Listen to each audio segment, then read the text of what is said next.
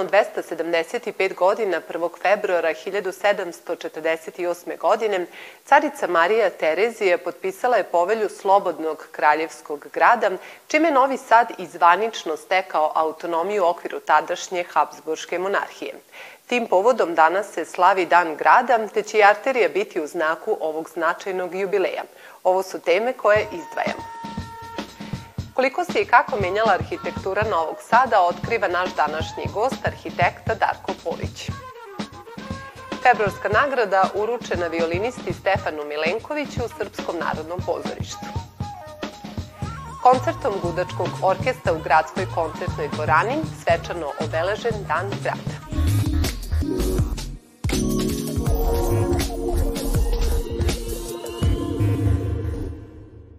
Ciljem očuvanja nacionalne i lokalne istorije, izdavačka kuća Prometej i ove godine realizuje ciklus predavanja Novi Sad – kulturna transformacija. Prvi razgovor vođen je na temu novosadske arhitekture u podgrađu Ima Juru, a u kojoj meri se i na koji način ona menjala tokom godina, razgovaram sa arhitektom Darkom Polić. Dobrodošli u našu emisiju. Hvala. Šta odlikuje arhitekturu ovog dela grada i po čemu je ona jedinstvena? Ono što je uvek zanimljivo reći, ili da ako možemo svesti na jednu rečenicu, to je u jednom narativu koji dugo postoji, da je sa petovradinske strane zbog veoma velike važnosti tvrđave za državu, koja je pre svega bila katolička, bilo je malo strožije za ostale e, veroispovesti da tu uživaju svoja građanska, ljudska ili neka druga e, prava i prakse i da razvijaju tradicije, a opet Novi Sad je bio onaj otvoreni, slobodni i naravno za to se izborio Slobodan kraljevski grad, gde su bili i katolici, pravoslavci, pre svega u velikoj većini, jevreji, protestanti i svi ostali koji su dolazili u ove krajeve.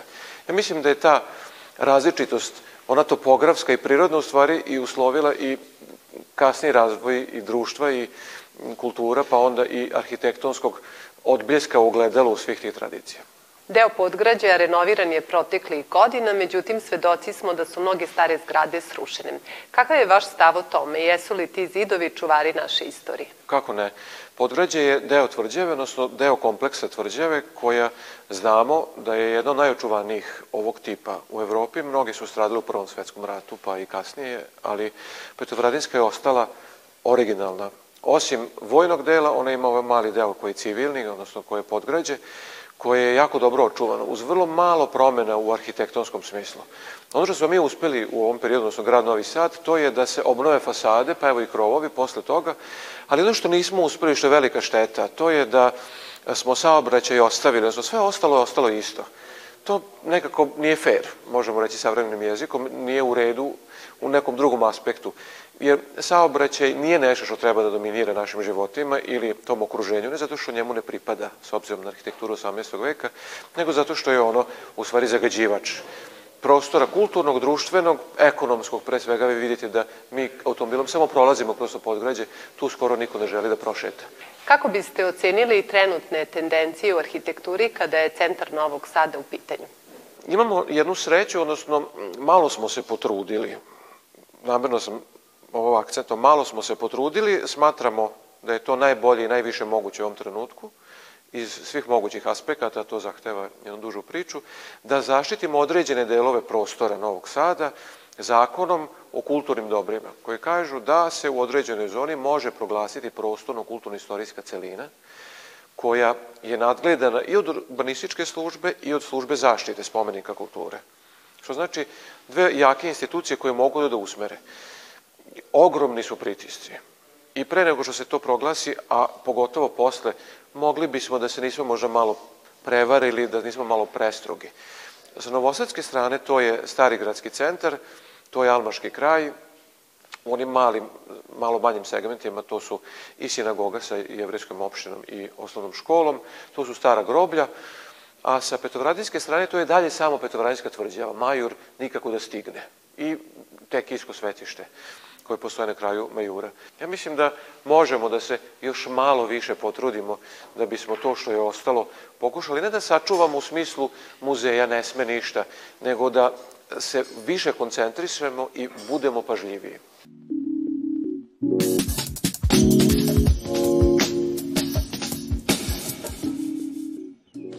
Za doprinos u realizaciji projekta Novi Sad, Evropska prestonica kulture, violinista Stefan Milenković nagrađen je februarskom nagradom. Ovo priznanje dodeljuje se istaknutim novosađanima za najznačajnija dela i dostignuća. Nagrada je uručena danas u Srpskom narodnom pozorištu.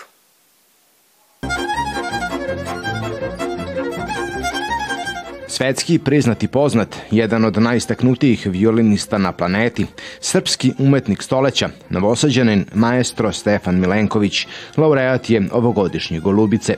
Svoje znanje, iskustvo i kontakte stavio je na raspolaganje mladima i novosadskoj kulturnoj i obrazovnoj sceni, a značajno je doprineo i da Novi Sad postane evropska prestonica kulture. Sa govornice snažna poruka mladima. Ne možete preterati u veličini svojih snova, jer je taj san nešto mnogo više, nije samo san. Radi se o viziji najbolje moguće verzije vas. I sposobnost da zamislimo nešto boljim nego što jeste je najmoćniji alat koji je dostupan ljudskom biću. Ono što mislite ćete postati, a samim tim ćete pozitivno uticati na vaše okruženje. Osvrnuvši se na uspehe u prethodnoj deceniji, uz zahvalnost do skorašnjem prvom čoveku Novog Sada Milošu Vučeviću, dan grada Novosađanima čestitao je gradonačelnik Milan Đurić. Naša vizija Novog Sada jeste da ne budemo samo geografska odrednica. Želimo da kada se izgovara reči Novi Sad, kroz svako slovo provejava novosadski duh, pomešan od kapi sećanja i iskri budućnosti. Dan grada obeležava se u znak sećanja na 1. februar 1748. kada je carica Marija Terezija potpisala povelju Slobodnog kraljevskog grada koju su žitelji tadašnjeg Petrovaradinskog šanca kupili za 80.000 rajnskih forinti.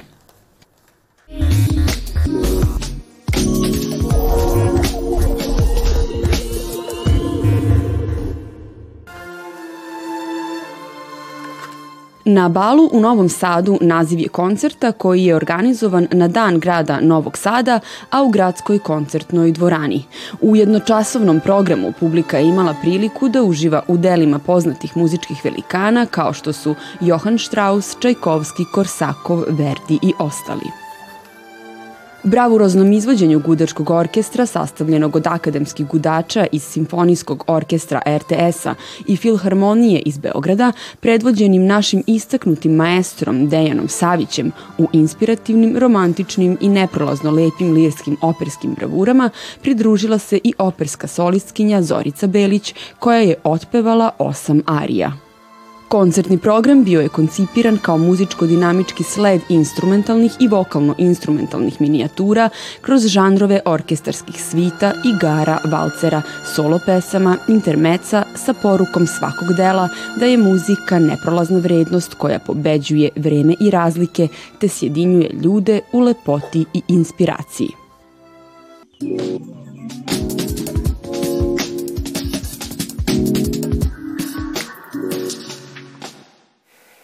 Iako je zvanično završena titula Evropske prestonice kulture, Novi Sad je nastavio sa negovanjem savremenog stvaralaštva, te na Subinom platovu postavljena peta po redu izložba na otvorenom.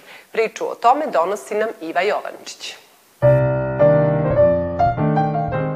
Prva Novosadska galerija smeštena na ulazu u Limanski park, koju čini 49 jarbola, koje je implementirala galerija Bell Art, još jednom je svoj fokus stavila na savremene umetnike i njihovo stvaralaštvo.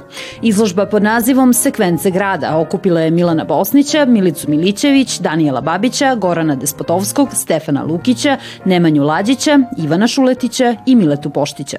Ja sam ovaj, išao kriterijum da ipak nešto uradim, da ne bude abstraktno, zato što sam primetio da tu ima zastave, da su dosta abstraktne, pa ne privlači pažnju, ali nisam sad teo da izgleda kao neka reklama, pa sam našao neku sredinu da bude nešto figurativno, sa malo jačim bojama, a da stilski je ovaj, uniformno i da privuče ipak pažnju.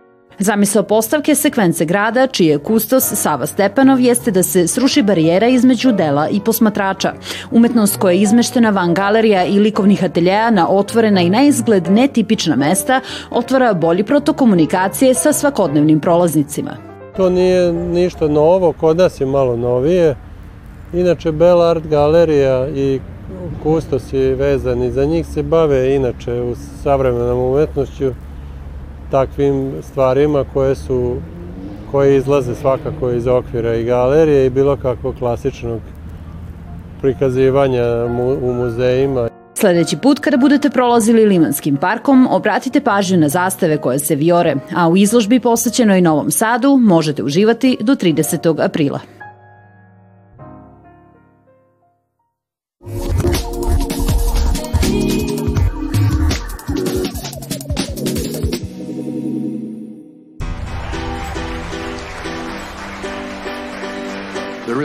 Čini se da novi film Maybe I Do Michaela Jacobsa donosi ono što se od romantičnih komedija i može očekivati. Harizmatične likove i dobru zabavu. Više od toga ne očekujemo.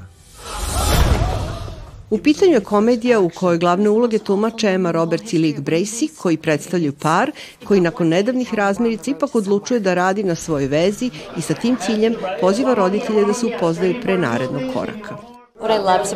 Ono što mi se dopada u Maybe I Do je svež način da se postavi staro, nostalgično pitanje.